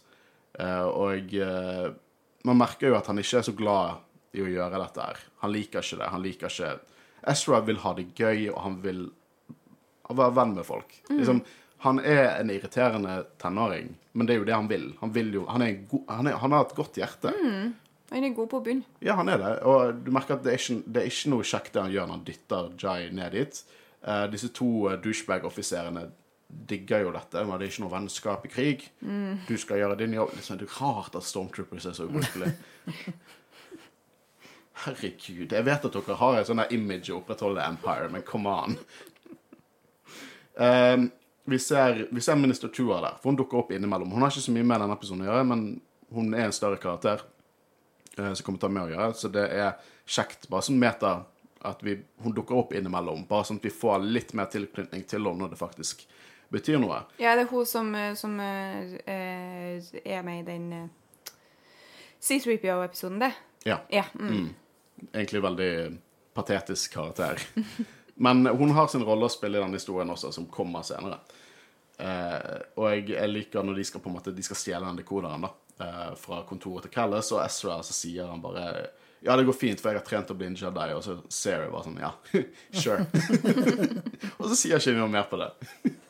Eh, jeg liker også den pod, Podracer Parts-leveransen. Det var en fin liten du, kan, jo- du kan jo si det er en referanse til eh, til, A New- eh, For Phantom Menace, og det den heter. ja. Um, og det har jo Callis ikke bestilt. Jeg ser ikke for meg at Callis gjør så mye gøy på fritiden, egentlig.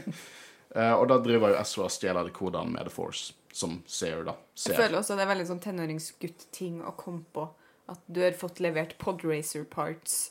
Fordi det kunne liksom vært eh, Jeg vet da søren jeg et eller annet eh, eh, kontorrekvisitter eller noe sånt, men, men tenåringsgutter tenker ikke på kontorrekvisitter. Ja, ja, ja. Det er også en nice touch, egentlig. Sånn hvis Og du har fått litt Lego. ja, nemlig. Uh, og nå uh, skal jo de um, Det viser jo seg at uh, Fordi at de, de hører Hva er det de hører litt eh, Disse offiserene snakker litt, ja. At dette viser seg å være en Inquisitor-greie.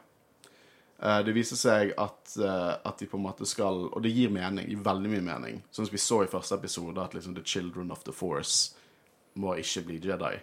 Og hva er de to tingene Vader og The Emperor og Inquisitorius kan gjøre? De kan enten gjøre de til mer Inquisitors, eller de kan drepe de før de er et problem. Så selvfølgelig setter de på en sånn tilsynelatende umulig eh, kadettrening for å få de som på en måte har bedre reflekser, nesten overnaturlige reflekser, for å bare luke ut de de kan kvitte seg med eller ha bruk for. Jeg syns det gir veldig mening, og det er veldig utspekulert, sånn som det Inquisitors er. Eh, og det er derfor jeg også tenker at eh, de burde trent Stormtroopers på denne måten. For jeg tror ikke de, de gjør det. Det nekter jeg faktisk å tro, for det, det er for intensivt. Eh, og det er jo her SV får innblikk og bare Oi, vi må, vi må hjelpe også uh, Jaikel, som ikke er et godt navn. uh, for at han har jo gjort det jævlig bra, og uh, han er liksom en av de som kanskje kan bli tatt i en quiz -turn. Så han, det SO gjør, skikkelig hero stuff. Han gir uh, decoderen med denne hyperspace-informasjonen til alle vennene sine, som Seb og Sabine og Kanon og sånn, og sier bare det at jeg blir igjen, for jeg skal redde de. Og bare håper og sier kan dere angripe akademiet på dette tidspunktet, og håper at de gjør det. Og det er kjempekult, for det, dette er den første gangen Ezra virkelig gjør noe som Jedi. Det er så uselvisk. Han har ingen personlig gain i dette her. Han bare vet hva som er rett. Og selv om alle vennene sier nei, dette er ikke planen, så ignorerer han det, for han vet hva som er rett. Ja, han prøver jo også å forklare greia til Jay først. Eh, og, på en måte ikke gå den em, veien gjennom eh, alt eh, Altså å, å stjele en, en walker og alt det der. Men, eh, men på en måte bare få han til å forstå at hallo, men bli med oss. Vi fer, du Vi reiser, du er i fare. Være med meg, liksom. Han, han har én mor, og, eh, og de forklarer det at du kommer aldri til å se hun moren din igjen hvis du blir mer inquisitoren på dette her. Og Sear tror jeg at det er inquisitoren som har tatt søsteren. Så han skal jo utforske det mer. Uh, og utfordringen nå er jo som sagt de skal få lov til å være med på en sånn ATDP Walker-tur. som jeg synes er litt uh, jeg, jeg kommer tilbake til det, men vi, vi får også en liten spacefight her inni denne episoden. Og igjen, spacefightsen i Rebels ser helt konge ut. For de skal, de skal bare ødelegge denne Kyber-shipmenten. uh, og det er jo her vi får litt mer Rebels er utrolig flink på denne Kyber-låren. For at før i Legend så var det Kyber-krystall litt u, uspesifisert hva det er og hva det gjør. Men i Cannon kom det inn. Det var disse her krystaller som er eh, praktisk sett levende i The Force, og de endrer farger basert på hvordan du bruker det. Bløder du det, så blir den rød. Sånn er det. Mange, eh, det var litt kontrovers når det kom ut, fordi folk likte bedre at alle Dark Side Jedi var sånn Å, rød, for det ondt. Det er som blod. Mens jeg synes det er ufattelig mye kulere at du må bruke liksom en sånn dark side eh, magi på den, rett og slett blø ut skadene for at du kan bruke liksom the dark side power i den. Ja. Mye mer interessant. Det er litt sånn initiation ritual eh, Ja, det- over det. Mm. Og det, det er jo disse ritualene som gjør det dritfett, og gjør at det bare er noe mer enn bare Å, jeg liker blå, jeg liker gul. Lilla er kult. ja, så hvordan er det kulere law? Ja. Kan du se for deg liksom at uh, Veidu bare «Å, Jeg vil ha rød. Nei. Men det er vel det er litt sånn uh, sånn som når vi spilte uh, Jedi Fallen Order. Ja. Mm. Så, så jeg tar det meg nesten litt ut at jeg kan velge min egen lightsaber-farge. Altså fargen på, på, på strålen. Mm. det var ikke jeg noe fan av. Det var litt sånn, det, Men den skal jo være sånn som den er. Du kan jo ikke drive og endre den akkurat sånn som du vil hele tida. Det gir jo ikke noe mening i canon.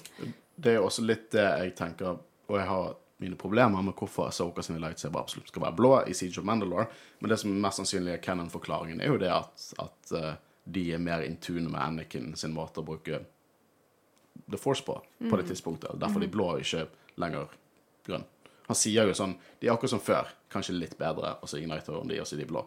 Eh, så det er også noe som understreker liksom akkurat eh, denne law-dumpen om Kyber-krystaller. Men poenget mitt var i hvert fall at eh, Rebels var på en måte først ute i Cannon og virkelig understrekte litt dette her. At dette, disse er in tune with the force, og det er sånn Kanan finner vil utvilke disse tre skipene da, som har shipmenten. Og de sprenger opp eh, denne, dette skipet, og vi får den sykeste Bare sånn latterlig kul og nydelig animasjon med grønn eksplosjon. Og det er jo vel ganske åpenbart hva, at dette her er en shipment som skal bli brukt i The Death Star. Det, det er ikke noe tvil hos meg at det er det som denne shipmenten er. Og det gjør jo Rebels. De hinter jo til Death Star. Men karakterene får jo ikke vite hva det er, for det, det fungerer ikke. De visste ikke hva det var før Rogue One og New Hope. Så eh, det er en sånn kul metating at akkurat det vet vi mer om enn enn- enn karakterene. Og de som lager serien, vet at vi er klar over det. Så det er litt sånn Å, faen, jeg ønsker jeg var i serien. Sånn, bare kunne si til dem. Spesielt noen senere Ark, faktisk, to episoder, som går litt dypere inn på det, som er sånn latterlig gøy å fortvile. At, du bare, at de ikke bare finner ut hva det er, for det bare sånn rett der.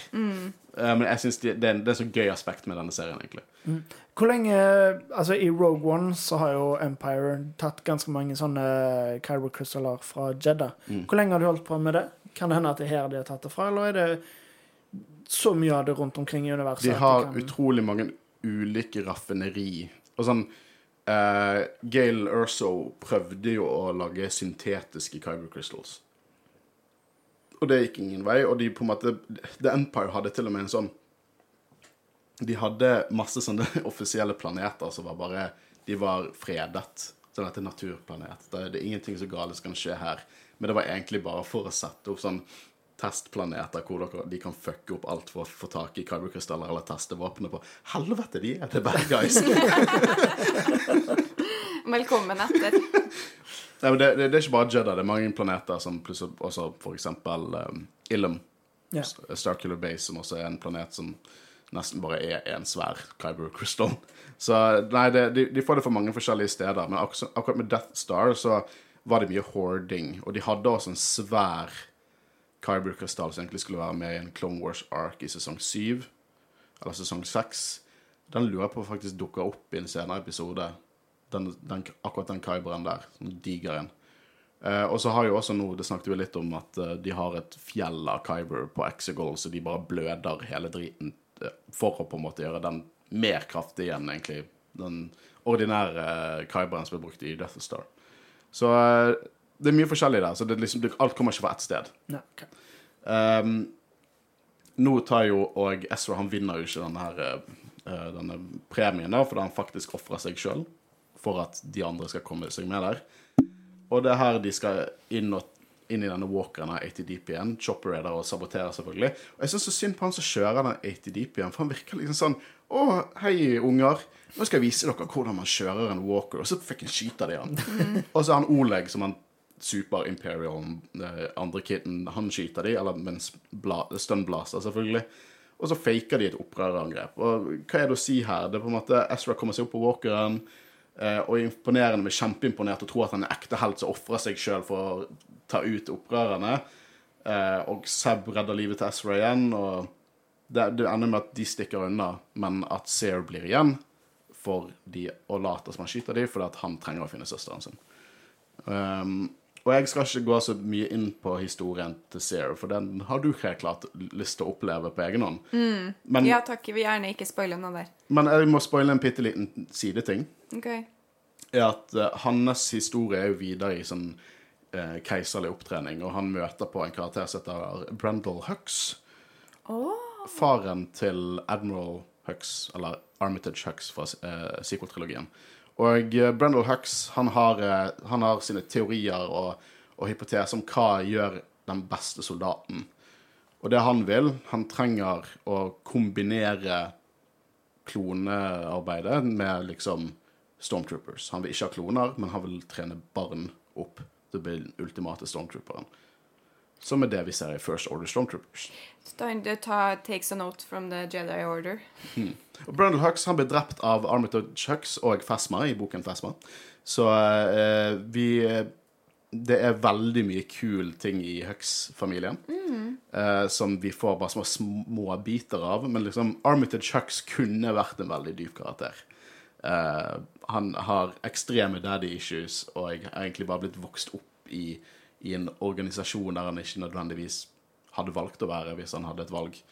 Eh, men eh, det, det er denne her eh, young adult-storyen med Sarah Leonis som på en måte introduserer den karakteren litt, og, og har sånne direkte foreshadowingser til, til The First Order, rett og slett. Men det er happy ending her, da, for de fleste. Jay og moren må gå i skjul, da. Han dukker opp igjen i Rebels. Og jeg, jeg tror Sarah dukker opp i hvert fall en annen episode til. Men alt dette med søsteren og sånn, det, det er ting vi, vi får, får konklusjonen i den Young Adult-serien. Så kanskje du skal lese den? Ja, jeg må jo nesten det, da. Ja. Jeg tror den er ganske lettlest. Men det var Breaking Ranks. Eh, det er jo veldig interessant å se dette aspektet fra Empire. Det er alltid gøy å se nye aspekter fra dem, eh, The Empire. Eh, og jeg, jeg synes denne episoden setter mer opp Den setter mer opp ting som er spennende, som er interessant, enn jeg faktisk synes episoden sjøl er. Jeg synes episoden sjøl er litt sånn den er, den er kul. Ja, nei, jeg er helt enig. Det er mye kul law, men det er liksom Akkurat som de andre episodene òg. Det er mye kul law i de, men jeg bare synes det er ikke alt som er like bra gjennomført. Gode ideer, men litt små, kjedelige episoder. Mm. Jeg likte veldig godt den i midten. Jeg synes den i midten var helt konge. Mm. Blir du helt forferdet av, av, av meningene våre? da? Nei, jeg, jeg er fortsatt litt For det jeg har notert meg som på en måte oppsummeringa av hva jeg syns om denne episoden, er Uh, gøy episode med flere hint om hva som er greia med Inquisitors. Og jeg lurer på om jeg har gått glipp av noen ting. Fordi at uh, du snakker jo nå ganske mye om hva som er greia med Inquisitors. Uh, Har vi blitt fortalt det i serien ennå? eh, det at de, Vi vet jo i første episode av Rebels så sier jo Vader til The Grand Inquisitor at Children of the Force må ikke bli Jedi. Vi vet at det har vært eh, Nå har jo, vet jo The Empire at Jedi er del av opprørerne på Lothal. I denne episoden sa vi ikke heller så hadde jo The Grand Inquisitor et bilde av Ezra. Så de har mer oppmerksomhet på Force-brukere på Lothal nå enn f.eks. en annen planet. Eh, så hele, sånn jeg tolker hele den planeten, er jo det, hele denne akademiet, er jo det at de vil prøve å få tak i alle kids som på en måte har The Force, eller mest sannsynlig har The Force. Videre, om de skal drepe de eller bruke de, det er jo spekulering fra min side. Men basert på alt vi vet, er jo det at hvis ikke de kan bli brukt som, som en asset for oss, så dreper vi de. Og det er jo det de prøver på, på her. Det føler jeg episoden er ganske tydelig på. Eller Håvard? Jo da, det er akkurat det samme jeg tenkte da. Ja, Ja. det, det var fortsatt ikke helt det jeg tenkte på. Nei. Det er jo kanskje mer det med at det er gamle Jedier og sånn. Yep. Men det, det visste jeg fordi det har blitt okay. spoila før. Ja, og Ja, i. Jedi Fallen Order så er jo det hele konseptet der. For det er der Ja, vi men fikk det eh, meste. Håvard har jo ikke spilt ferdig det eller? Han- Jeg sier ikke backstoryen til de ulike der med organisasjonen. Det må, må Ja, ja, men det var det jeg mente. For det, sånn som jeg husker det, og igjen så må jeg bare si at hukommelsen min er utrolig dårlig, men jeg, det var en sånn avsløring at det var gamle Jedis som var Inquisitors, som jeg syntes var utrolig kul. Så det var den jeg prøvde å på en måte Å ja. holde, holde oss unna. Jeg syns det er en annen, annen reveal der om hvilke type Jedi de var, som er litt mer interessant, så jeg ikke kommer til å spoile til deg før det skjer i serien. Ja, det, altså, det er absolutt fortsatt mer der, og det er ganske tydelige hint. Så du, du kan nok på en måte plukke opp på det og tenke at det er en mulighet. Men jeg bare Jeg var jeg ble så i stuss på at du bare snakka om det så utrolig som om det var ingenting, som om det var helt åpenbart. Og det Det verste er at for meg er det litt åpenbart. Men, men jeg tror faktisk allerede før vi begynte å snakke om Rebels, altså i mange, mange, mange episoder siden, så har vi snakka om Inquisitors, og allerede da Konseptet bak de og hele pakken. Spørs Så om jeg må begynne å høre på Jedi-rådet. Kanskje du må det. Men det var, eh, det var tre Bare tre Kall det fillers, ikke, men det er kanskje mer pustepause fra introen. Jeg, ja, jeg vil ikke kalle det fillers Nei. heller, i og med at det er så mye law og eh, alt mulig sånn. Det er bare um, litt Ja. de, de kunne vært skrevet annerledes. Det er et par små Det er ting langt ifra de, viktigste, de tre viktigste episodene i serien. Det, det Jo, eller si. de tre beste. Nei, langt ifra. Men jeg, jeg, jeg koser meg, og det er jo eh, Det er utrolig gøy å se serien på nytt igjen. Eh, når du har allerede har sett den én gang, når Mm. du allerede har et forhold til karakterene, og på en måte se starten deres. Eh, altså, nå har jo alle møttes, på en måte, unntatt Ezra fra før, så det er jo ikke starten deres egentlig, men ja. Det, det er utrolig gøy, med liksom kunnskapen om, eh, om dem som mennesker. De, Denne serien har en enorm rewatchability. Fordi at jeg, jeg, jeg er enig med Håvard om, om liksom kvaliteten på disse episodene. Men fordi at jeg, kjenner, jeg føler liksom at jeg kjenner disse karakterene, så var til og med Mailu Run-jakten Og det er en episode jeg har mimet om sånn innimellom, helt siden tidenes morgen fra Jedi-rådet. Men når jeg så den igjen nå, så var det sånn er jo litt gøy. liksom, de, de er jo litt søte, Seb og Ezra, og liksom de, så, Jeg koser meg. Storkoser Ja. meg med, med dem som karakterer. Ja, det, det, er mer, det, er det å bli kjent med dem, og det er på en måte Det er sjelden du blir så knyttet til samtlige hovedpersoner i en serie. Eh, for at sesong én er ikke veldig for eksempel Sabine sin, sin fortelling, men når det kommer til Sabine sin fortelling, så er det, det liksom Det er nesten som oppfølgeren til alle Mandalorian-episodene i Clone Wars. Og mye som trekkes inn til liksom sånn The Mandalorian. på en måte. Det, det, det er som Game of Thrones på Mandalore-systemene. Det er helt konge. Å, det er så jævlig bra. Jeg skulle kunne snakke om det istedenfor nå. Nå vi komme oss gjennom alt dette her, for det er hver eneste episode har noe å si i denne serien. Eh, hver eneste episode er puslespill som legger opp et komplett bilde av hvorfor denne serien er så jævla bra. Så det kommer til å være jævlig mye mer Rebels for oss. Men for denne gang er vi ferdige, og vi snakkes neste uke. Uh, mitt navn det er jo Håkon Øren. Jeg har sittet sammen med. Overhus. Og Guro Vågan. Og vi har vært Jedi-rådet. Kristian er fortsatt permanent medlem. Han var bare bortreist i dag. Ja. Ja. Eh, stakkars Kristian. Har ikke nevnt ham et ord. Nei, jeg sa til han at jeg skulle dedikere hele den der Joda-quoten til han, og det glemte jeg ikke. Kan jeg si det nå? Dedikere hele den Joda-quote-diskusjonen til Kristian. Stakkars. Kristian, vi er veldig glad i deg, og vi savner deg når du er borte. Ja. Ja. Vi snakkes neste uke. Ha det bra. Ha det bra.